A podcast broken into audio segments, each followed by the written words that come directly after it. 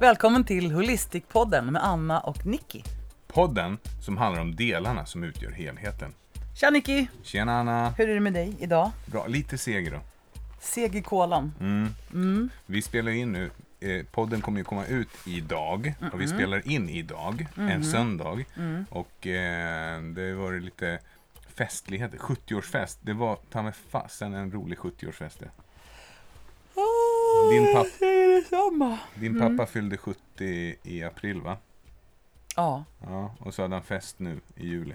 Det är ganska lustigt för det här året, 49, då fyllde både din mamma, min mamma och min pappa 70 år. Ja, det var lustigt. Ja, nej men det konstiga är att 70 låter ju så mycket. Men jag tycker de är jätteunga och pigga och fräscha.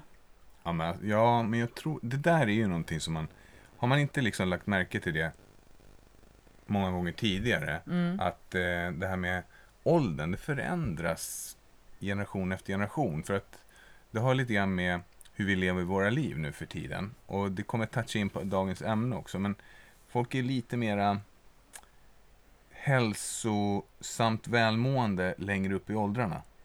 När mina fa- när min mormor, morfar, farmor och farfar var 70, då var de, de var äldre. Till sättet, till kroppen, till allt. Mm. Eller så tänker jag att det är så här att vi blir äldre. Och då ser man på de som är äldre som att nej men de är inte så gamla. För jag är ju inte så gammal. Nej, jag tror inte det. Nej men hur som helst. Ja. Eh, om du skulle fråga mig nu om hur veckan har varit för mig. Du, Anna, Ja, hur har din vecka varit? ja, hur har min vecka varit? Ja. Då är det så här, vi kom ju ut hit till landet för en vecka sedan. Mm. Exakt, på söndagen. Och landet är ju på det här sättet att vi har ett landställe Mm. med el finns Mm. och hus, tak över huvudet och väggar och allt det där finns. Ja. Men vi har inga, eh, vi har inga toaletter, vi har inga avlopp, vi har inget rinnande vatten. Vi har ingenting sånt. Så vi lever ju väldigt, eh, ska man säga, vi är hyfsat snälla mot miljön. Lever som man gjorde förr i tiden. Vi tar sjövatten, alltså vi tar vatten från havet som vi värmer upp och diskar och sen liksom slösar vi inte precis på resurserna därför att man, det är så jobbigt att göra det. Det sa du. Det, var, det är rätt intressant. Ska man ta i, i beräkning när man gör så klimatpåverkan, klimatavtryck? Ja, men jag känner mig jätteduktig när jag är här på sommaren därför att man badar i Mm. havet så man liksom wastear inget vatten där heller. Eh, och man, man blir väldigt liksom, hur ska jag säga, man blir rädd om resurserna. Mm. Man använder allt och liksom man, Resurssnål. resurssnål var ordet jag letade efter. Mm. However, så har vi varit här en vecka nu och hela den här veckan har ju gått åt till att förbereda festen. Mm. Så egentligen så känns det som att man har jobbat en vecka för varje dag har vi liksom gjort någonting. Vi har städat, vi fixar bryggan, vi har målat skyltar, vi har bla bla bla bla bla. Mm. Det var det fint, Mm. Det var roligt. tycker jag. Det var lite mysigt för vi hängde ju med din familj och släkt i två veckor. Ja. Och sen kom vi hem och tvättade lite grann och sen så drog vi hit. Mm. Och nu har vi hängt med min familj och släkt i en vecka. Mm. Och det som slår mig när man kommer hit till landet, då är det så att min farfar köpte det här stället någon gång på 40-talet. Mm. Fantastiskt ställe ute vid havet. De fick tre barn. Och de här tre barnen har då ärvt det här stället. Och Mm. vardera barn fick två barn. Mm. Och nu är vi ganska många människor som ska samsas om det här sommarstället. Mm. Och det som blir så spännande, det är att vi tycker ju inte samma saker. Nej. Och vi delar ju inte alla åsikter om i stort sett någonting alls. Nej. Men när dagen är slut och vi äter middag nere på bryggan, då, då kommer vi samman. Ja, och, ja, precis. Och överse de här sakerna. För jag vet att det är en vanlig sak att träta om. Det hör man ju på såna här, um, jag vet inte ens vad de här radioprogrammen heter som jag lyssnar på ibland. Men där får ju folk skriva in och säga att Åh, mina syskon och jag har ett gemensamt sommarställe och vi bara bråkar och vem ska få vara där och när och hur. Mm. Det är ingen lätt sak. Mm. Och därför är jag så himla stolt över att vi kan vara här. Och på kvällarna så kan vi sitta där vid bordet Mm. och ha fantastiskt kul tillsammans. Mm. Någon tar med sig bröd, någon tar med sig sallad, någon tar med sig grill. Eh, det är fint som tusan, jag gillar de här sammanhangen. Mm. Och det är lite coolt för det där är lite liksom så här. Det är generellt när man tittar på grupper av människor. Alltså man behöver ju någonstans att samlas kring. Ibland kan det vara en organisation, ett företag. Och då är ju samma sak där. Det finns ju, eh, det finns ju företag där det finns kanske en ledningsgrupp där det verkligen sitter människor som tycker olika saker rent privat. De har olika politiska ståndpunkter och religiösa eh, åskådningar och så vidare. Men likförbaskat så har de en gemensam sak att, att liksom enas kring. Och det tror jag han skär, alltså landet här blir ju den biten då. Att när man kommer ner till bryggan så pratar man och det är bra saker som sker där. Vi pratade om det lite grann i förra avsnittet också. Och det som slår en också, det är ju så här att för att få så tror jag man måste ge. Mm. Det kan inte bara vara egoistisk och tänka att det ska bli precis som jag vill ha det. Nej. Utan man får ge på några punkter i relationer Mm. för att få ta del av den här gemenskapen. Mm. Och kanske upptäcker man att man får tillbaka någonting som är bättre än det man har fått tidigare.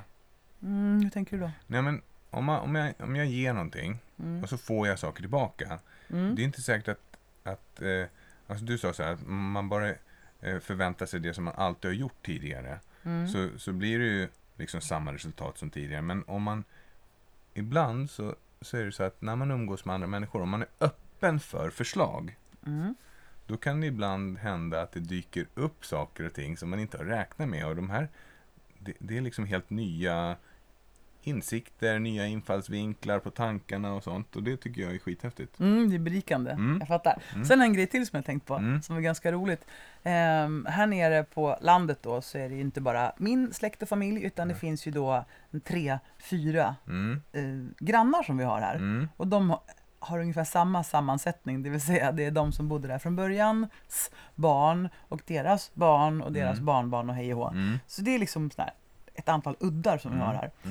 Mm. Och nu har vi ju fått en gemensam fiende. Och det är få saker som enar människor så mycket som en gemensam Mm. fiende. Har du tänkt på det? Ja. Vi har Mm. råkat få en granne här, det var en, en av eh, gårdarna som sålde. Ja.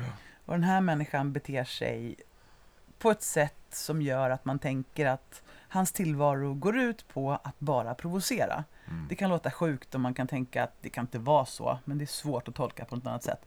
Han, han spelar festivalhög musik nästan varje På kväll. riktigt festivalhög, så här long range högtalare som man mm, har vi- vinklat ut mot grannarna, inte mot sig själv. Och ut mot havet där ljudet liksom leds otroligt eh, och är aspackad varje kväll också.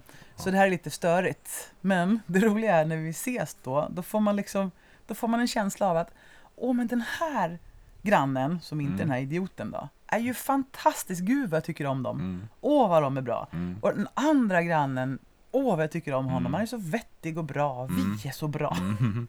Ja, det där viet. Ja, Det det är är, viet. det är det där Ja. viet liksom. Det kan stärkas ibland av att man får en gemensam sak som man liksom känner att man vill jobba för och emot. Och. Gemensamt syfte och gemensam mening Mm. med saker och ting, det skapar ju en starkare connection i viet, vilket gör att man då kan enas och samarbeta på ett bättre sätt. Det är ju skitbra. Det är Mm. fint. Mm. Ja, men i alla fall så, du och jag jobbade ihop bra igår.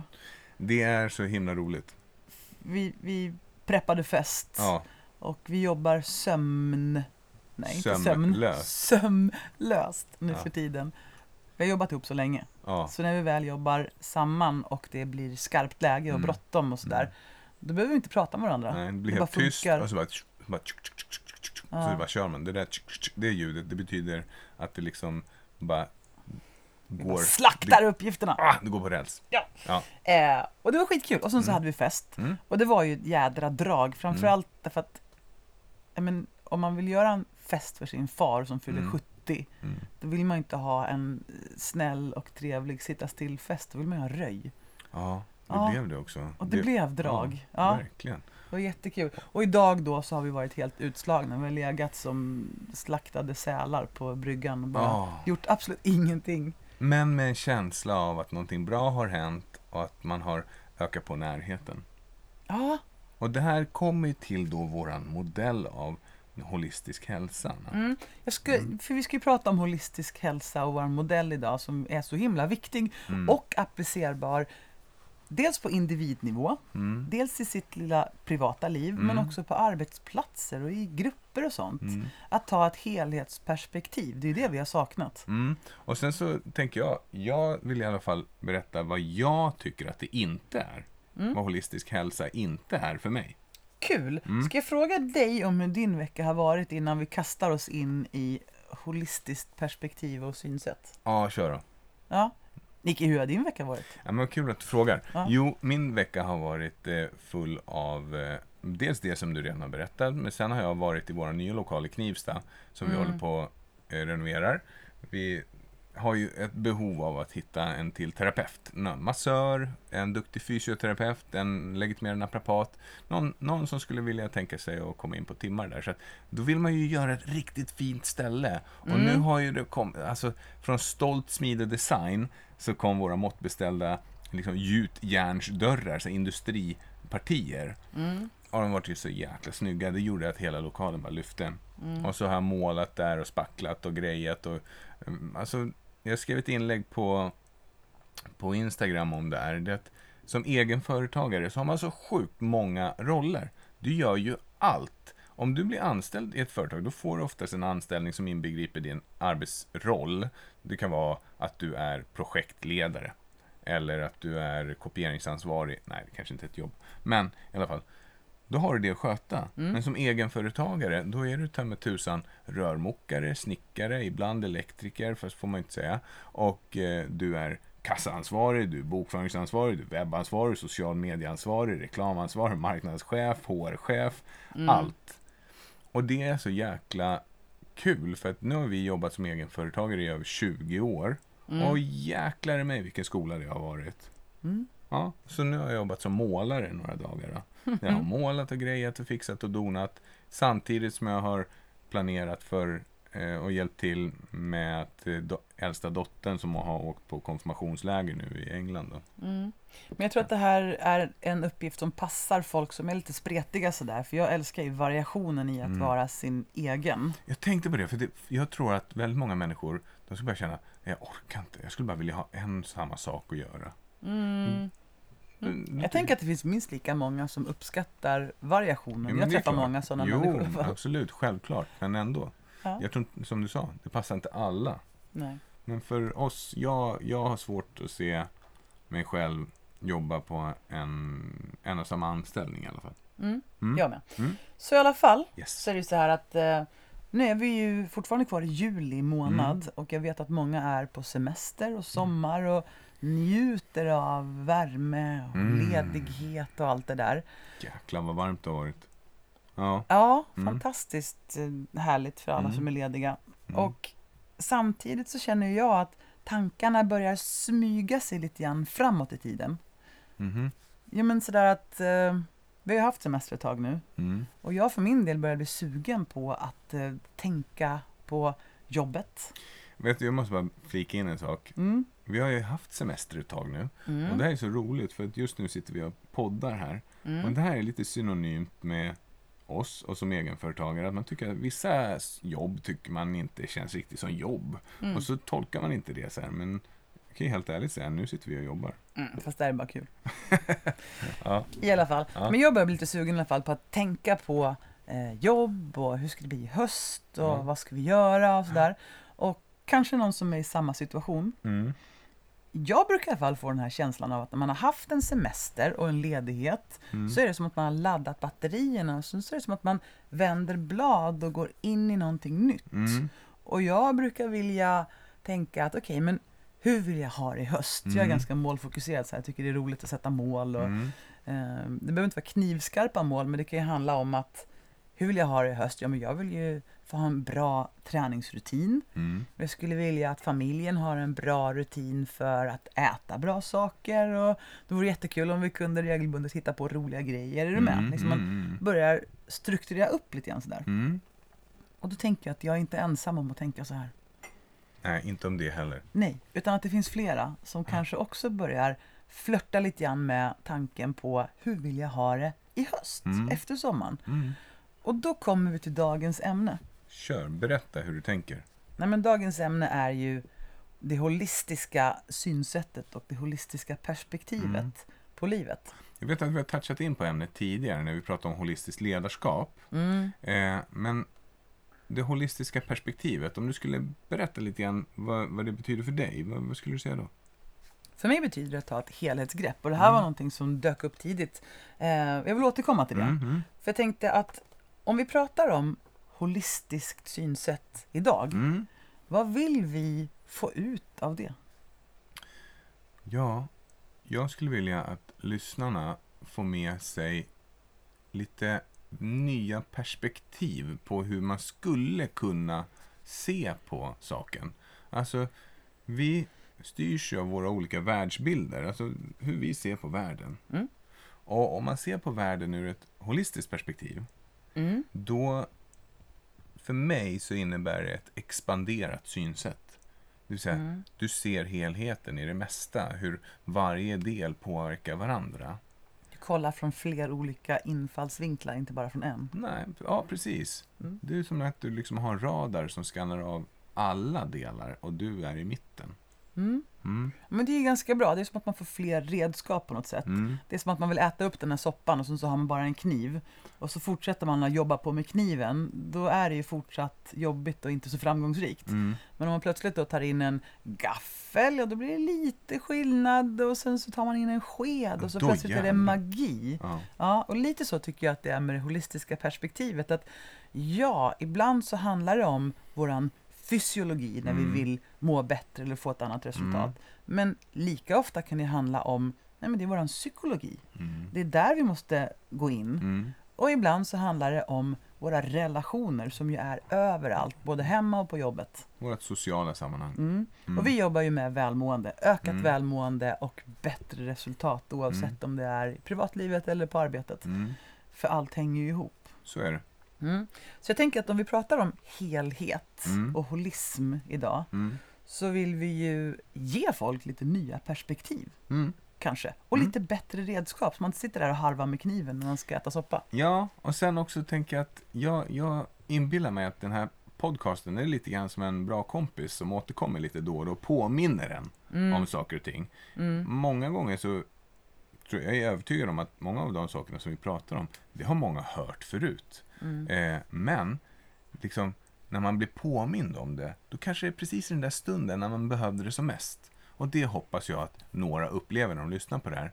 Och då tycker jag att då har jag liksom, då har jag gjort min grej. Då är jag ganska nöjd. Mm. Mm. Och sen tror ju jag, vad tror du? Tror du att de flesta som lyssnar har mer potential än vad de upplever att de har idag? Absolut. Och det här är ju någonting som vi, det, det ser jag alltid hos de klienter man jobbar med. Från någon som kanske inte har trott på förändring överhuvudtaget och sen när de står där och har kommit en bit på vägen. Så, alltså vilka makalösa resultat det kan bli. Mm. Det är så häftigt. Det tycker jag är det coolaste av allt Ja. i vårt jobb, att få se det här växandet. Det individuella växandet. Jag tycker att hela livet är ett växande. Man blir Mm. aldrig färdig. Det går dessutom som i trappsteg. Mm. Ibland så utvecklas man väldigt, väldigt mycket. Ibland så pass mycket som man får lite växtverk. Mm. Och sen ibland så kanske man har utvecklats så mycket som man kommer fram till en platåfas. Mm. Det händer inte så mycket. Man tycker det är ganska gött faktiskt, Mm. för man behärskar det man har lärt sig. Mm. Men sen säger li- livet knackar på och Mm. säger hallå där, Mm. nu är det dags för nästa insikt, Mm. nästa utvecklingsfas. Och då kan det vara lite jobbigt igen. Mm. Jag, jag tror personligen att jag går igenom väldigt mycket växande just nu. Jaha, Det har okej. hänt så sjukt mycket på sistone. Ja, kul Det är att du ser, det är ju ytterligare en grej då. Det är ju kul att du ser det som ett växande. Mm. Istället för att bara se det som någon, en pain eller att det bara är skit och jobbigt och elände. Mm, man lär sig saker så länge man lever. Så vad kan man ta med sig från det här poddavsnittet då? Ja, men det är väl ett eh, nya perspektiv. Nya perspektiv. Mm. Det är också ett litet nytt begrepp därför att om man till exempel googlar på holistisk hälsa eller holistiskt ledarskap Mm. då, då kommer tyvärr då mest bara vi att komma upp. Mm. Det finns inte jättemycket skrivet och sagt om det här än så länge. Ändå är det ett väldigt växande begrepp. Det som är intressant är att det här med holistiskt och holismen, det börjar som begrepp användas mer och mer och mer och mer. Mm. Och det är någonting som jag skulle vilja se mer av, framförallt i vården, Mm. men även på arbetslivet. Mm. Att bredda perspektivet även där, Mm. för att nå bättre hälsa. Mm. Så frågor vi kommer att ta tag i idag, Mm. det är ju till exempel, vad är det för någonting? Mm. Det är spännande. Mm. Men också vad det inte är. Enligt dig och mig. Ja, Mm. precis. Och så kan man också fråga sig lite grann, så här, men varför holistiskt perspektiv? Varför? Mm. Det är spännande. Mm. Och eh, hur gör man? Hur kan man göra? Om man är Mm. nyfiken och liksom vill bredda sitt perspektiv, Mm. hur kan man göra? Mm. Då ger vi lite tips och råd om det. Spännande! Yes, Då kör vi igång. ja det tycker jag. Hälsa ur ett historiskt perspektiv. Definitionen av hälsa har varierat från en tid till en annan. De föreställningar om hälsa som föreligger under olika tider är beroende av och inbäddade i olika historiska och sociokulturella sammanhang. Idag kan hälsa dels betraktas som frånvaro av sjukdom och dels som ett ideal för det goda livet. Utöver dessa i tiden liggande föreställningar som inte alltid klargörs knyts hälsa till måttfullhet och självdisciplin medan sjukdom förknippas med svaghet. Något som kan utgöra en moralisk etisk komplikation i samband med människors möten med hälso och sjukvården. För Hippokrates, som ju räknas som läkekonstens fader, och Platon var hälsa ett helhetsperspektiv där både kropp och själ ingick. Galenos utvecklade sin balans teori, vilket innebär att de fyra elementen ska vara i harmoni med varandra för att människan ska vara vid god hälsa. Vesalius arbetade med dissektioner av människokroppar och kunde därigenom visa att ett biologiskt samband mellan symptom och sjukdom. Under 1800-talet, då den moderna medicinska vetenskapen etablerades genom ökade kunskaper i patologi, fysiologi och bakteriologi och då man så småningom i allt högre grad kunde bota sjukdomar fick hälsa en negativ definition. Hälsa likställdes nu med frånvaro av främmande och skadliga materier i kroppen. Enligt biologisk-mekanistiska sjukdomsmodellen apparatfelsmodellen definieras hälsa som ett tillstånd av normal biologisk funktion hos varje organ och hos, hos organismen som system. Ett tillstånd som kan beskrivas vetenskapligt.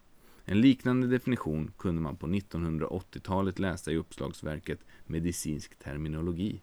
Hälsa formulerades då också i normativa termer som kroppens normala tillstånd när den och dess organ fungerar optimalt, det vill säga på bästa sätt, utan tecken på sjukdom eller avvikelse. Filosofen Nordenfelt har pekat på att en människa enligt det biologiskt statistiska hälsobegreppet anses vara vid hälsa om hennes kropp och hennes psyke fungerar i ett för arten typiskt mönster.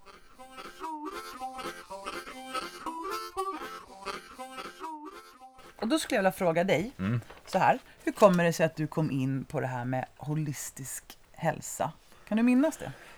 Jag tror att eh, det, det hänger ihop med min historia väldigt mycket. Alltså det var ju, allting flätas ihop på något sätt om man tittar tillbaka i historien. Men den absolut största liksom, eh, startpunkten till det här, det var nog naprapatutbildningen ändå, måste jag säga.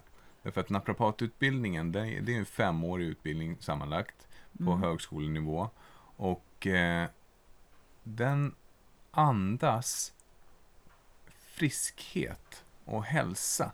Den andas ju ett salutogent perspektiv tycker jag. Det är så tydligt Ja. i hela utbildningen att här ser vi möjligheter och friskfaktorer. Jag gillar det. Mm, och jag vet att jag fick med mig därifrån att när vi, när vi jobbar så jobbar vi med oftast med kapabla människor, friska människor som har ont. Mm. Alltså, vi ser alltid en frisk människa som vi kan göra ännu bättre. Även Mm. om den här personen är, har en sjukdom eller den kanske har någonting som är felaktigt så ligger fokus på, okej, men vad är det som funkar nu och hur kan vi stärka det?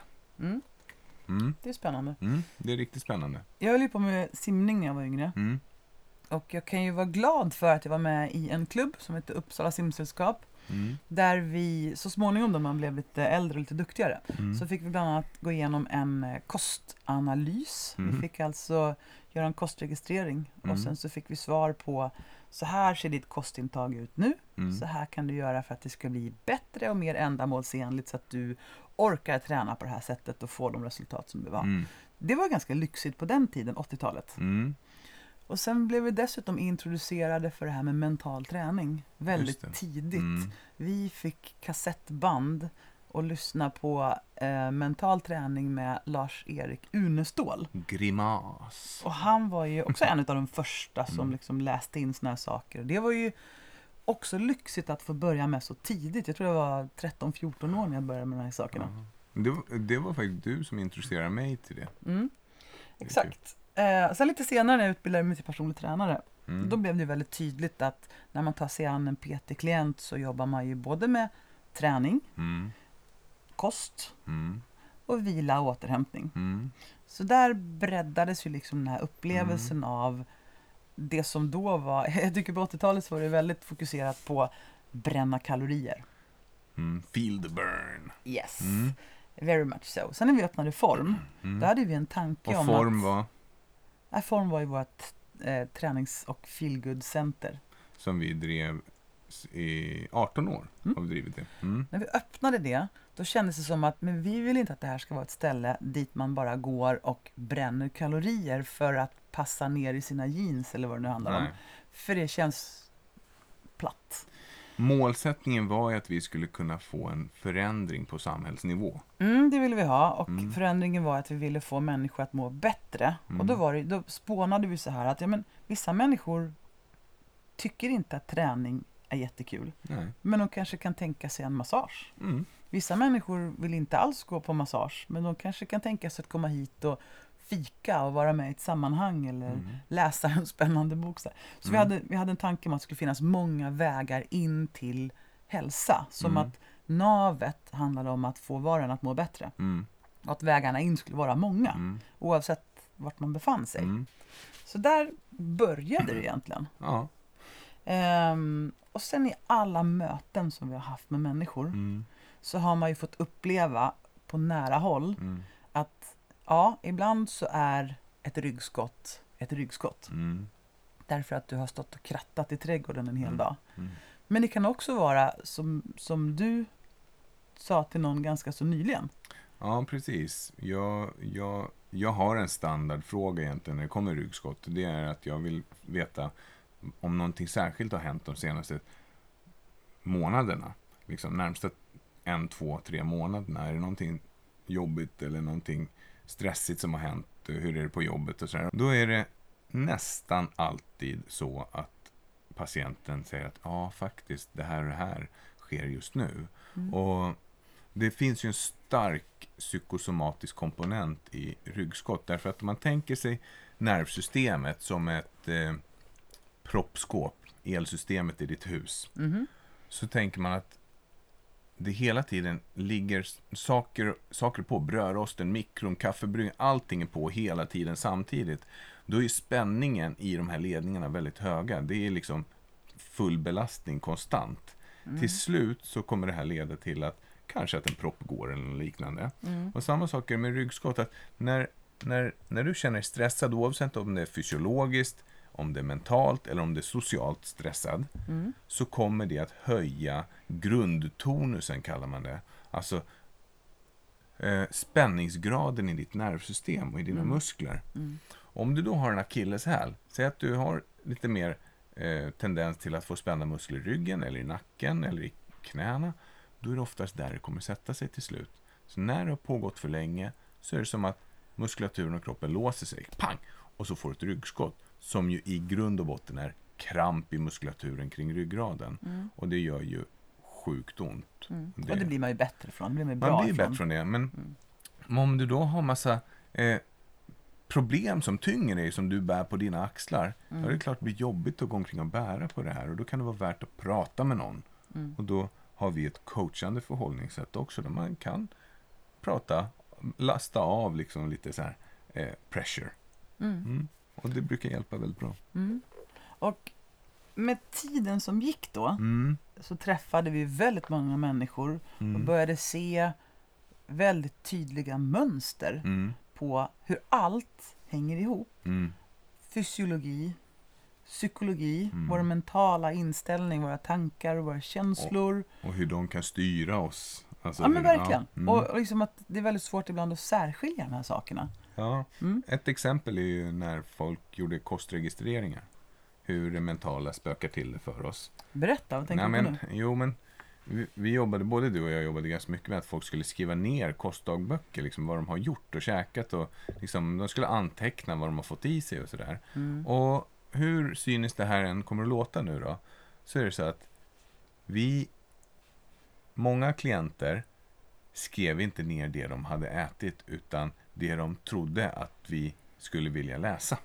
Mm. Det vill säga att skriver man exakt vad man har ätit, då ser det helt annorlunda ut. Men om man då har, eh, vi säger att man, har, man skulle vilja ha mer energi, men man stoppar in lågenergisk mat in i systemet, då, då blir Skitmat. Ja, skitmat liksom. Då blir det inget bra, men om personen då i fråga kommer och visar en kostregistrering som är helt perfekt, Mm. då börjar man ju tänka så här, "Ah, men det här är det här är mentala filter. Liksom. Den här personen säger inte riktigt som det är. Det tog ju ett tag att upptäcka det där. Ja, det Eh, Man slet sig i tår några gånger. Mm. Eh, Det finns ju en berömd studie där man Mm. lät eh, överviktiga människor Mm. anteckna under en månads tid Mm. vad de åt från morgon till kväll. Och så sa man, är det här vad du har ätit? Jajamän. Mm. Och, och du fortsätter gå upp i vikt? Ja, jag förstår, inte, Mm. jag förstår inte vad jag gör för fel. Sen i den här studien så ingick det då att då spärrade man in dem, låter ju hemskt, men Mm. de fick alltså liksom Men fick typ bo, som Biggest Loser. Ja, Ja. precis. Man fick bo då under kontrollerade former. Mm. Och så fick de äta exakt det som de hade skrivit upp i sin kostdagbok under den här Vad månaden. hände då? Och vad hände? Alla gick ner i vikt. Ja, helt otroligt. Ja. Mm. Så, så så kan det vara. Men precis, så det som hände då, Mm. det var att vi började utveckla en modell Yes. som skulle vara lätt att jobba med och som Mm. verkligen skulle få jobbet gjort. Mm. Och då kan man tänka sig att det ser ut som ett hjul, Mm. mm, där navet ju handlar om mer energi Mm. till att kunna ha ett större engagemang Mm. i sitt liv och kunna få må bra, må bättre Mm. och känna den här känslan av flow och kasam, känsla av sammanhang i livet. Och det är liksom whyet med vår modell. Mm. Det är syftet. Varför ska jag använda den här modellen? Jo, det är för att vi vill få mer energi, flow, mera må bra, mera kasam. Mm. Mm. Och i den här så kan man tänka sig att det finns tre stycken stora tårtbitar. Mm. Där den första handlar om våran fysiologi, Mm. alltså kroppen mera. Den andra delen handlar om våran psykologi och den tredje delen handlar om våra relationer som är en stor del utav livet. Och hur alla de här tre påverkar varandra Mm. och ger effekter på hur pass bra vi mår. Mm. Mm. Mm. Vill du berätta mer om den här modellen? Liksom? Ja, utveckla? Elaborate. alltså, ja precis. Den kan ju, man kan ju gå ner i lager för lager för lager för lager. Mm. Och alla de här tre huvudkategorierna har ju tre underkategorier Mm. minst vardera. Mm. Så att, eh, och, och det kan man gärna titta vidare på på vår hemsida. hemsida. Om man går in på Holistic-bloggen så Mm. kan man titta så hittar man den här modellen i bilder. Mm. Men det intressanta med det, det är att det vi insåg för massor med år sedan, det var hur kopplingen var mellan de olika delarna. Det vill säga att det spelar ingen roll vilken tårtbit du plockar bort, för det kommer alltid påverka helheten. Och det eh, spelar ingen roll vilken tårtbit du börjar stärka upp, så kommer det ändå påverka resten. Mm. Och det var ju det som var så himla häftigt. Så att det är ett kraftfullt verktyg som man kan använda på individnivå, på organisationsnivå, helt otroligt nog, och på sig Mm. själv. Så just holistisk hälsa, Ja. vad tycker du att det är? Till att börja med så tycker jag att det är ett begrepp som är ganska spretigt. För att holistisk hälsa, eller, det är ju ingenting som någon äger rätten till. Men det har tyvärr, som jag ser det, det här är mina personliga åsikter nu. De, det är att holism ofta blandas samman med det som människor överlag uppfattar som flummigt, om du förstår vad jag menar.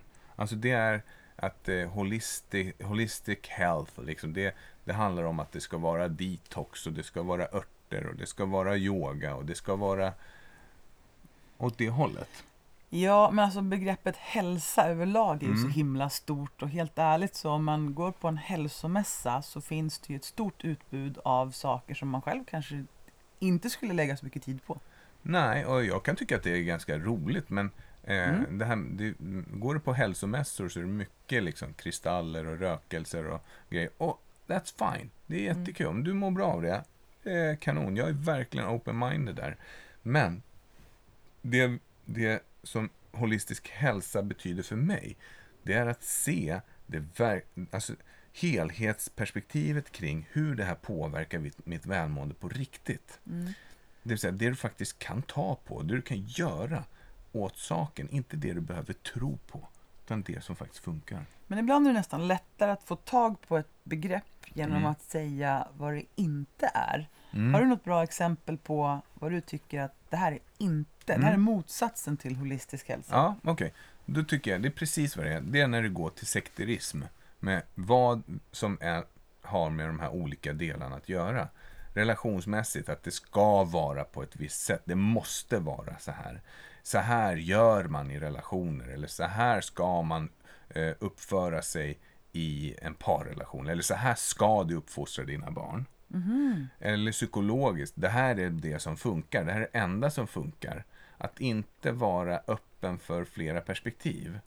Eller eh, fysiologiskt. Nu måste man träna på det här sättet. Det är bara korrektiv träning som gäller. Det är bara crossfit som gäller. Det är bara så man ska göra styrkelyft. Eh, eller kosten liksom. Att, Nej, du kan inte äta kött. Du måste äta eh, plant-based och du måste äta PH-kost. Eller, alltså när det blir för kontrollerande. När ramarna blir för snäva. Då tror jag att man tappar det holistiska begreppet. Därför att det är vidare än så. Det handlar om en helhetssyn totalt sett. Och jag tror inte att det finns... Jag tror att det finns många rätt. Mm. Och väldigt lite fel egentligen. Men om man bara fokuserar på en sak, då tappar man det holistiska. Okej. Mm. Mm. Vi brukar ju prata lite grann om det här med på, på arbetsplatser. Mm. Vi har jobbat väldigt mycket med människor som söker upp oss. Som kommer till oss. Mm. Och när man har tagit det beslutet och kommit så långt som man bokar en tid. Mm. Då är man ganska högmotiverad. Mm. Då har man tänkt ett tag på det här. Ja, jag verkligen. vill verkligen förbättra min hälsa. Jag vill det här så mycket så jag tänker avsätta både tid och Mm. pengar för att göra det här. Mm. Men ibland så kommer vi också till en arbetsplats Mm. där man kanske på högre instans har tagit ett beslut om att vi i ledningen tycker att hälsan och engagemanget på arbetsplatsen ska bli bättre. Det betyder ju inte att varje individ på arbetsplatsen är högmotiverad. Nej, verkligen inte. Och det är ganska intressant för det skiljer sig ganska mycket att jobba Mm. med någon som själv har valt att komma och någon som vi kommer till Mm. som någon annan har sagt vi tycker att du ska göra det här. Ja, och Mm. där, där kommer man ju till det här coachande förhållningssättet. Att vara öppen för att det finns olika infallsvinklar på begreppet hälsa för varje individ som man träffar. Och det som är så bra då, det är att många gånger får vi chansen att kunna samtala med individer eh, en och en. Mm. Och då, då, då kommer det här fram. Ja, men vad skulle du kunna göra för att skapa bättre hälsa i ditt liv? Vad är det minsta gemensamma nämnaren? Liksom? Vad, vad skulle du kunna göra? Mm. För många tänker nog att ja, men, hälsa, ja men då är det träning. Mm. Eller då är det mm, grönsakskost eller smoothies och vad det nu är. Det var precis det jag skulle komma till Mm. för vi pratade ju med våran eh, nyfunna kollega Anna Färneman Ja, och eh, vi skrattade lite grann åt det här att hälsa och engagemang och energi på en Mm. arbetsplats Mm. är så mycket mer än stegräknare och fruktkorg. men absolut. Alltså det är ju... Och jag brukar fråga människor när jag har dem i mitt rum Mm, Hur ser det ut med friskvårdspolicy på ditt jobb? Mm, Vad gör ni för någonting för att främja hälsa och välmående? mm, Och det är ju ofta skralt fortfarande. Det är väldigt få människor som svarar att vi har en suverän holistisk plan. Nu tycker jag att det här företaget Kapacitet som vi jobbar med, Ja. de ligger ju i framkant, men det är också för att det här är deras expertis. De är ju Ja. jätte, jätteduktiga. De har ju ett Mm. helt team av människor. Allt ifrån inom det psykologiska Mm. fältet och sen så Ja, men massor med grejer. allt annat. Ja, Men eh, jag tycker det finns mycket kvar att göra där på de Det flesta det. arbetsplatser. Yes. Och där, där tycker jag man kan hitta oftast motsatsen till ett holistiskt perspektiv. Mm. När man då har det här dötråkiga. Ja, men vi har en stegtävling här på firman. Mm. Nu kanske jag raljerar, men, Ja, men, det, börjar handlar ju om ja. så sjukt mycket mer än så. Därför att om du blir utbränd, då är det ju inte för att asch, jag har samlat för lite steg. Det är vanligtvis inte det som är Nej, orsaken. Nej. Sen är ju motion och att röra på sig en enorm friskfaktor. Mm. Men om man mår väldigt dåligt, Mm. så pass dåligt som man blir sjukskriven, Mm. då är det ju oftast inte just antal steg som har gjort att man mår dåligt, utan det är ju många, många fler faktorer Mm. där det kan vara då absolut nivå och grad av träning, men lika väl kost, lika väl återhämtning Mm. för lite. Mm. Det kan mycket väl vara de psykologiska faktorerna som spelar in Mm. och definitivt de relationella faktorerna oavsett om det är på jobbet eller hemma. Absolut. Och det här är någonting som också blir platt tycker jag Mm. i, i det holistiska perspektivet så vill Mm. man ju att man ser till helheten dygnet runt. Ja, Därför att, jo men ja. så här, om du har problem på jobbet Mm. Och så mår du så pass dåligt så du måste bli sjukskriven, Mm. ja men då funkar det ju. Mm. Men du kan ju lika gärna ha problem i dina relationer hemma som gör att du mår jättedåligt. Så pass dåligt så du blir sjukskriven så du får vara ännu mer hemma. Och om man tittar på en, en stor alarmerande sak med relationer så har man ju sett att det som är riktigt läskigt just nu det är att det är så otroligt många människor som upplever att de är ensamma. Mm. Och då är det också relationsbiten. Det är relationen, då är hela ärret liksom i modellen, det är ju helt satt ur spel. Mm. Och var är man liksom mindre ensam? Ja, det kan ju till exempel vara då om man kan skapa ett positivt sammanhang Mm. att få vara i på arbetsplatsen. Ja, men då är det också en hälsofaktor. Så det jag, det jag tycker är Mm. holistisk hälsa, Mm. det är att se till alla de här perspektiven. Mm. Om man till exempel är en arbetsgivare eller en Mm. ansvarig på ett arbetsplats. Att se till alla de här sakerna. Mm. För mig så är det helt otroligt att man inte kan se att det här är viktigt på en arbetsplats. Det vill säga, det, det är ju... Det Fast är, tror inte du ofta att det är så här, det är inte så att man inte fattar att det är viktigt, men jag, tror nog, jag tror det finns väldigt många människor som faktiskt inte fattar. det är mycket möjligt. Men jag upplever att det oftast är så här, jo, jag vet, men vi har så himla mycket att göra. Mm, Alltså Kanske, man- jag tror mer som Ingmar Stenmark. Det går inte att förklara för någon som inte begriper. Och det där det handlar väldigt mycket om att, eh, eh, att kunskapen om det här fältet inte finns. Mm. Så kan det också vara. Ja. Att man faktiskt inte kan göra någonting som man inte vet så mycket om. Ja, man är Ännu, men man kan lära sig. omedvetet inkompetent. Mm, okej. Mm. Det lät lite hårt från din sida tycker jag. Ja, men jag tycker jag kan vara hårdare för det är så sjukt viktigt. Mm. Det är Mm. verkligen det. Mm. Eh, Kolla, om jag tänker, eh, om jag ska rita upp ett drömscenario. mm. En ideell eh, värld, eh, en idealvärld. Mm. Så, så ser man att det finns då eh, människor som jobbar med alla de här bitarna hela tiden. De, de motionerar regelbundet på, med hela aktivitetspyramiden. De äter näringsrik och givande mat som inte belastar miljön eller systemet alldeles för mycket. Man får tillräckligt med god sömn. Man känner sig stark och trygg i sig själv, i jaget. Man har fina relationer runt omkring sig med nära och kära. Man eh, inte allt för mycket konflikter med de människor som umgås med. Man tänker bra, stärkande, givande tankar. Man går omkring och när goda, eh, balanserade känslor. Och man har beteenden som faktiskt bidrar till ett bättre samhälle. Okej. Mm. Om, om man skulle ha det här, det är då, då har man ju gått igenom alla delar i det här holistiska perspektivet. Då, kan, då har jag svårt att se att det inte skulle leda till en bättre värld. Mm. Jag tror.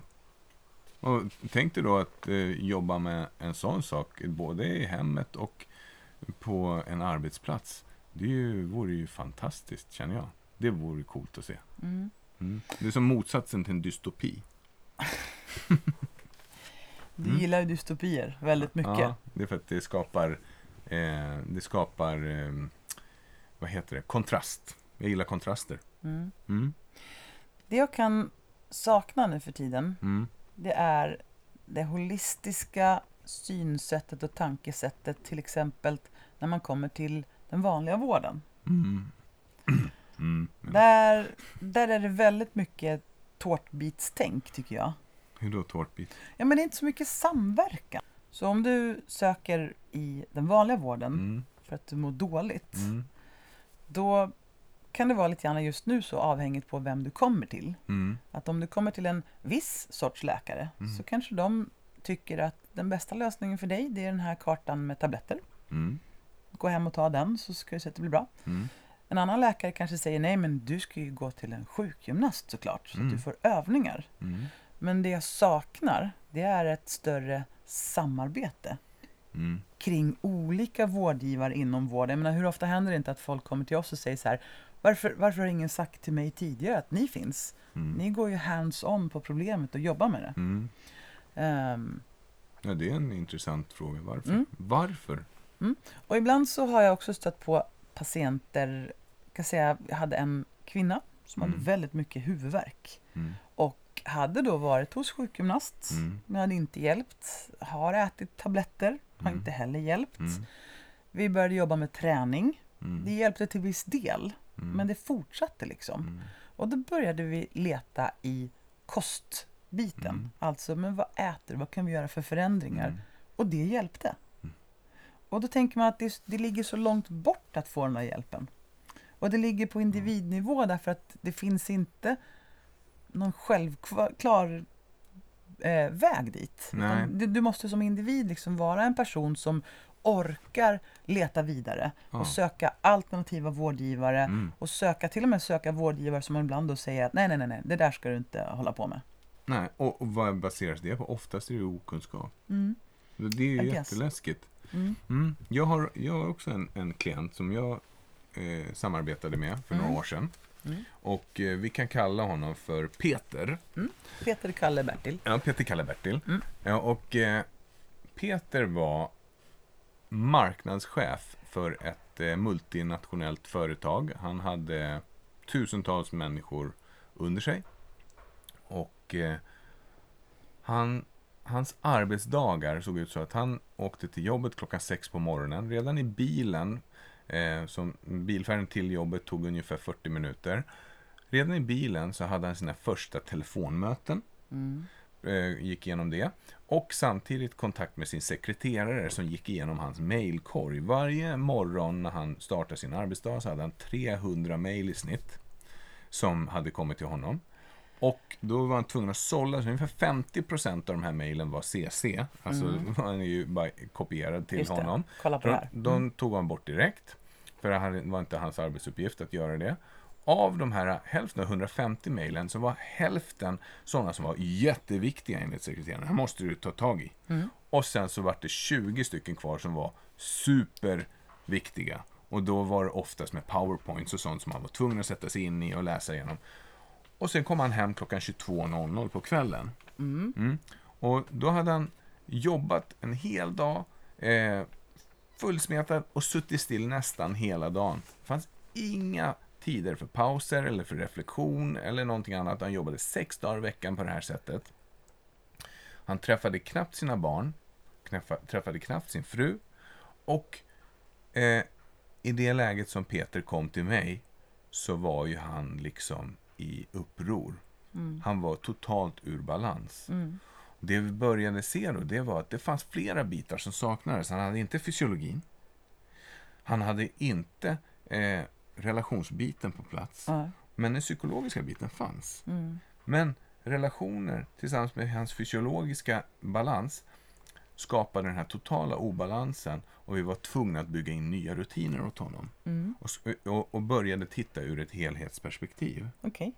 Och det som började ske, det var att vi började ta tag i det som gick att göra någonting åt på en gång. Det vill säga hans fysiologiska status. Han hade ont i ryggen, ont i axlarna, ont i höfterna. Och sånt tar Och ju energi. inte. Det Ja, tar det- mycket energi att gå Ja. omkring och ha ont och vara spänd. Och han var ju helt slut. Mm. Så även om han jobbade på järnet, hade jättemycket pengar och så vidare, så mådde han inte bra. Nej, och lite grann som du nämnde det här med att om alla sakerna är på gång samtidigt. Jag Mm. menar, håller man igång med 300 mejl från morgon till kväll, då, då blir ju spänningen i ledningarna hög. Mm. Och då är det lätt att en propp går. Mm. Och när en propp går så tar ju det energi, därför att man, det tar energi att Mm. vara spänd och ha ont. Så det blir ju som en ond cirkel bara det där. Nu för tiden när jag pratade med honom senast så vet jag att han har en PT inne i Stockholm, Mhm. där han bor nu för tiden. Och eh, han tar sig tid att på lunchen sticka ut och träna. Han ser alltid till att äta regelbundet. Och han ser till att få tid med sin fru och med sina barn. Så Mm. att relationsbiten funkar. Och det är rätt coolt. Det är en typisk sån effekt som då kan ske det här. Så ni screenade och såg eh, vissa områden som låg lågt Mm. och gjorde förändringar. Mm. Då känner man ju så här, ja, men vad tog han av för tid då? Ja, men, ja, tiden fanns ju. Det var prioriteringarna som var tokiga. Mm, Så okej. att i och med att han då började jobba på det här så fick han ju mer energi. Men man jobbar gör att- 12 timmar om dagen, Ja, vad, Mer. Ja, fortsatte han att jobba 12 timmar om dagen men tryckte Nej. in det här också? nej. Nej, så han tog på arbetstid alltså? Ja, så att han kunde ju gå ner i arbetstid för att han Mm. blev mer effektiv Mm, och fick ändå gjort mer saker. mm, Och det är ett klockrent eh, liksom, exempel på vad man kan åstadkomma med det här. Och det roligaste av allt, de åtgärderna som skedde var Mm. väldigt lite sånt som jag hade kommit på, utan det var ju klientens egna saker. Mm. Och dessutom så var det så att det var ju inga komplicerade grejer. Väldigt enkla saker som oftast ger väldigt bra resultat. mm. Det är häftigt, det är häpnadsväckande. Mm. Men du, Mm. i den här holistiska modellen som Mm. vi liksom pratar om, var tycker du att du är stark? Vad är du naturligt bra på att liksom... Vad är du naturligt bra på att vara bra på? Eh, jag personligen, för mig själv eller Mm. gentemot mina klienter? Nej, nu menar jag dig faktiskt. Jag, Ja, men jag tänker så här, i den här modellen så, Mm. så kan jag i alla fall tycka att vissa saker kommer mm, lätt och naturligt för mig. mm, De här är jag bra på och andra saker behöver jag liksom, vet jag med mig att det här behöver jag tänka till på. mm, Och här är jag oftast inte jättebra. mm, Okej. Bra. Eh, jag skulle önska att jag skulle säga att jag är skitbra på den fysiologiska biten. Jag, Mm. jag är det i intervaller. Mhm. Jag är grymt bra på att äta riktigt bra och balanserat i perioder. Och, eh, men sen gillar jag ju mycket mat. Jag gillar att äta mat. Jag har insett att det är skitlätt för mig att äta alldeles för mycket bra mat också. Mm, okej. Så det blir tokigt. Mm, Eh, men det jag är absolut bäst på, mm, tycker jag, det är tankebitarna. okej. Jag tycker att jag är bra på att tänka bra saker. Mm, Eh, jag känner mig oftast rätt bra. Jag är lätt förnöjd. mm, Och eh, sen så... Ja, så de bitarna, då, där är jag som starkast tycker jag i alla Just fall. det, pressen rent mentalt liksom blir inte stenhård därför att du är lätt förnöjd. Och du tycker Ja. oftast att det mesta ordnar sig va? Ja, precis. Jag tycker att men det, det löser sig på något sätt och det gör det oftast. Mm. På, så, ja, det är väl det om man nu ska pinpointa någonting. Mm. Sen tycker jag att det är bra att göra det här screeningen på sig själv emellanåt och titta hur ligger det till just nu. För att man får ner det på papper och verkligen ser så här, oj då, ja, ja men det här är ju inte ett runt hjul liksom. Det haltar och det är lite tokigt just nu. Mm. Så just nu till exempel så relationen till viet, mina alltså, nära och kära, där mina föräldrar och fami- eh, grundfamilj ingår, Mm. den är bättre än på länge faktiskt, konstigt nog. Mm. För att? för jag tycker att jag har ansträngt mig för att upprätthålla den. Jag har haft en ganska ja, men, svår, svag eh, relation till egentligen båda mina föräldrar, men min pappa framförallt senaste åren. Och sen så tog jag ett beslut att nej, jag ska se till så att jag upprätthåller kontakten. Och det gör att det blir bättre. Det är ju ganska spännande därför att du valde att lägga mycket mer energi och engagemang Mm. på det här, någonting som har varit lite haltande. Mm, och, och så beslu- beslutade du dig för att nu ska, jag, nu ska jag satsa på det här. Mm, Och det blev bättre. mm, för jag mår bättre av det också. Mm. Det är ett det- typiskt exempel på att man kan gå in på Ja. ett område som ligger lågt, göra en korrigering och faktiskt få njuta av bättre kommunikation och ja, men Mm. mer närhet kanske. Du då? Mm. Ehm, ja, Vad är jag, du bäst på? allt. Allt. Men förutom det, Förutom allt. mm, förutom Ja. allt, Ah. jag kan allt och jag är bäst You på are allt. a power woman. Yes. Mm. Så tycker jag att det är inspirerande att använda den här modellen när man då börjar dra upp Alltså jag gillar det här med att titta framåt och Mm. planera och strukturera. Jag, Mm. Det ligger för mig. Och jag gillar att titta på den här modellen för att börja planera hur hösten ska se ut. Mm. Och är det något som jag är bra på så är det att träna. Ja, och du, att vara aktiv. Alltså att få träningen gjord, det vet jag att det får jag alltid. du är sjukt bra på det. Ja, därför var det så spännande häromdagen när jag tog beslutet att istället för att träna, vet du vad jag gjorde? Nej, men vadå, jag har Det inte var ens så här, det blev, det blev framåt kvällen och jag vet liksom att jag känner jag för vet, att jag vet träna. vad du gjorde. Jag Du beställde in en träna. fet pizza, drack en flaska vin, svepte ner det med några Sobril och så gick du och la dig och sov. Nej. Nej. Men däremot så gick jag och la mig och så. Jaha, jaha. Jag tog en nap istället för att springa. Mm, det var Eh, och där, där är det typiskt mig då. Jag är Mm. alltid bra på att träna. Men jag är mycket sämre på att välja att ta en nap över att träna. Därför Som att jag gillar helt enkelt. Ja, jag gillar känslan av att träna och jag gillar inte alltid känslan av att ta en nap. Jag blir seg av det ibland. Mm. Så det jag kan bli bättre på, det är ju Mm. till exempel det. Ja, coolt. Och sen också den här relationen till sig själv, relationen till jaget. Mm. Där har jag en ganska starkt pådrivande person som sitter på min ena axel. Skulle du kalla den för en kritiker eller som en... Eh... Nej, Ja, nej. Det skulle jag inte göra. Jag skulle kalla det för en ganska eh, rastlös och otålig person som vill ha allting gjort nyss. Mm. En sån har jag på min ena axel, så Mm. det vet jag med mig. Mm. Eh, och på den andra axeln så sitter det någon som säger så här, nej, jag orkar inte. Är det jag det? nej, men balansen mellan de här två Mm. eh, ska jag försöka fundera vidare på. Mm. Det är en ständig utmaning. Så det är lite The intressant. fight between good and evil. Men just, just nu Mm. då? Mm. Om du skulle titta på det Mm. holistiska hjulet just precis idag, just Mm. precis nu. Mm. Och så skulle du kolla på av kost, sömn, träning, tankar, känslor, beteende, relation till jaget, viet, niet. Mm. Vad skulle du vilja balansera upp med just precis nu? Ja, men just, just precis Kort nu analys. så skulle jag vilja balansera upp med kost, alltså mat, Mhm, börjar bli hungrig, mhm, eh, och sömn. Jag känner att det, det skulle bli skönt att sova idag. mm. Faktiskt, det blir, ja, det blir nice. Eh, träningsmässigt så hade det varit kanonbra, men jag får nöja mig med vardagsmotion idag. Som Mm. rörelse och promenera och hålla på och greja och fixa och sånt som vi har gjort under dagen. Mm. Känns det okej för dig, tycker du? Ja. Jag har knappt gjort något idag. Jo, i och för sig, vi körde träningspass där i morse. Mm. Det blev ju, vi städade i festlokalen Mm. och det gjorde vi i två timmar och svetten bara rann. Mm. Ja, det, är så, det är 9212 steg idag, det är inte jättemycket. Nej, det är lite risigt. Mm, Mm. där ser man.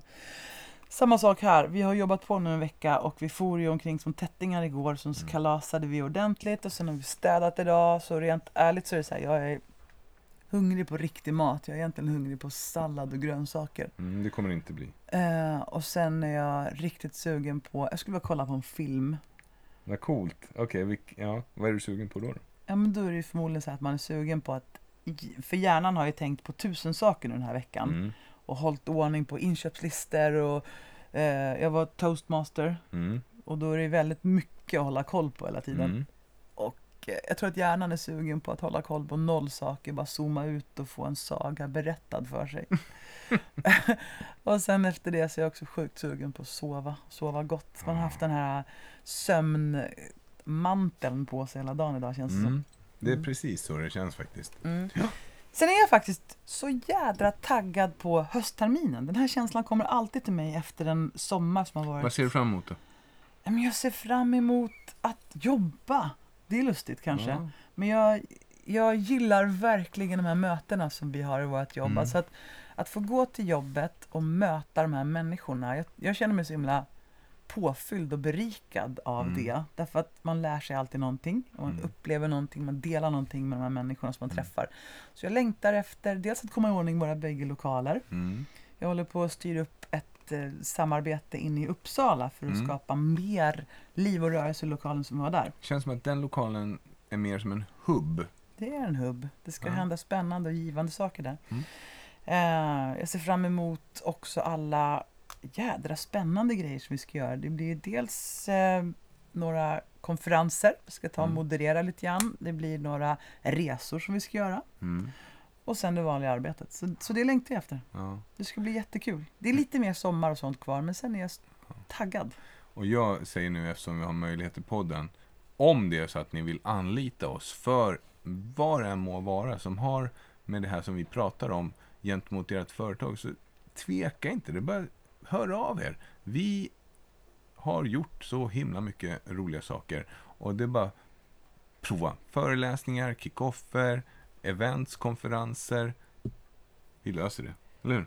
Ur ett helhetsperspektiv, alltid. Ja, men alltså, vi får ju väldigt bra resultat på de insatser som Mm. vi gör. Mm. Det är värdefullt. Mm. Och eh, precis som Nicky sa, föreläsningar, vi kan köra coaching på gruppnivå och individnivå. Vi kan verkligen komma ut och höja energin Mm. och engagemanget. Man har ju Mm. sett att det finns tre nyckelfaktorer Mm. när det gäller välmående, framförallt på en arbetsplats.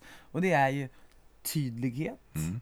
och det är energi Mm. och energi nog för att orka ha det här engagemanget som Yes. krävs. Att man inte bara delar ut uppgifter utan också har engagemang nog att följa upp, utvärdera och föra vidare. Mm. Och det är det här vi jobbar med.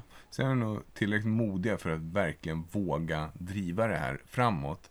Och dessutom så är det så här, det är kul på vägen. Det är inget tråkigt jobb som vi utför, utan folk får ha roligt. Det är skitkul. Får växa. Livsviktigt. Mm. Superviktigt. Ja, men det var väl ungefär det. Det här var ju en eh, fantastisk söndag. Mm. En riktigt, riktigt trött söndag. Mm. Nu ska vi äta rester från festen. Nu ska vi käka oxfilé. Oxfilé, potatis, eh, gratäng och rödvinssås. Ja. Eh, och så ser jag fram emot att få podda vidare. Vi har så många ämnen som vi vill avhandla. Mm. Och så har vi också många gäster framöver. Det blir Så det blir superroligt. Mm. Ja. Och om ni har förslag på ämnen eller frågor som ni vill ta upp så hör av er för Fabian. Mm. Vi besvarar dem hemskt gärna. Mm. Mm. Verkligen. Så vi ville prata om holistiska modellen, gjorde vi det? Det tycker jag att vi gjorde. Och vad holistisk hälsa är och inte är. Ja, jag tycker vi touchade in på det. Mm. Det känns som att eh, det finns mer att säga. Alltid. Mm. Vad är det övergripande målet? Alltid. Att, eh, Stora målet. ja, men det är att skapa positiv förändring. Mm. För Individen, samhället, livet. mm. allt det där viktiga. Mm. Mm. Har vi något Det delmål på vägen låter så liksom? klyschigt, Anna, men jag skriver under här och nu i podden att det är syftet. Mm. Det är det. Jag vill, jag vill så jäkla gärna kunna bidra till ett starkare, friskare och bättre samhälle. Vet du, det tror jag alla vill. Nej, där säger jag dumt igen. Mm. Jag tror inte alla vill det. Då skulle det inte finnas krig och elände. Jag tror att alla vill det, men att det inte går bra jämt. Ja, kanske. Mm. Ehm, har vi något delmål på vägen om man nu kände så här att fasen det här var berikande. Jag har ju harvat på med kniv. Det finns ju fler redskap som jag kan använda för att nå bättre feel good i livet. Ja, men alltså försök att, eh, försök, försök att krypa ur det där lilla hålet som du befinner dig i som kallas för inskränkthet kanske. Det vill säga man, man försöker tvinga sig till ett nytt perspektiv. Alltså rikta ficklampan på någonting annat för en liten stund. Fokus, eller lägga om fokus. Kanske om du har fastnat i, liksom i gamla hjulspår så försök att liksom på något sätt locka dig ur det gamla hjulspåret och prova ett nytt. Mm. Ja, Jag antar att du menar att man ska vara nyfiken. ja. Mm. Nyfiken på att testa något nytt. Mm. Grymt. Mm. Så uh, vår modell handlar om tre bitar. Mm. i det stora hela och den går att dela upp i många, många steg. Mm. Men vi har fysiologi först, Mm. psykologi Mm. och relationer. Yes. Så man kan ju ta sig en liten funderare helt enkelt. Mm. Hur, hur är de här för mig? Var är jag Ja. stark? Vad behöver jag stärka upp någonstans? Ja, och vart, vart upplever jag att det skaver just nu? Mm. I mitt om liv. Ja, om det skaver. Mm. Mm. Pretty good. Spännande. Eh, nu är jag hungrig och trött. Ska vi, ska vi säga så? Ja, vi säger så. Ja. Mm. Bra. Vi ses nästa vecka. Hej då! Hej då! Och vill du komma i kontakt med oss så kan du följa oss på sociala medier, Instagram, at formholistic, eller på Facebook, Formholistic. Följ oss jättegärna på LinkedIn också, Formholistic Leadership. Gå gärna in på vår hemsida, www.formholistic.com, för att läsa Holistic-bloggen. Maila oss gärna på formholistic@gmail.com.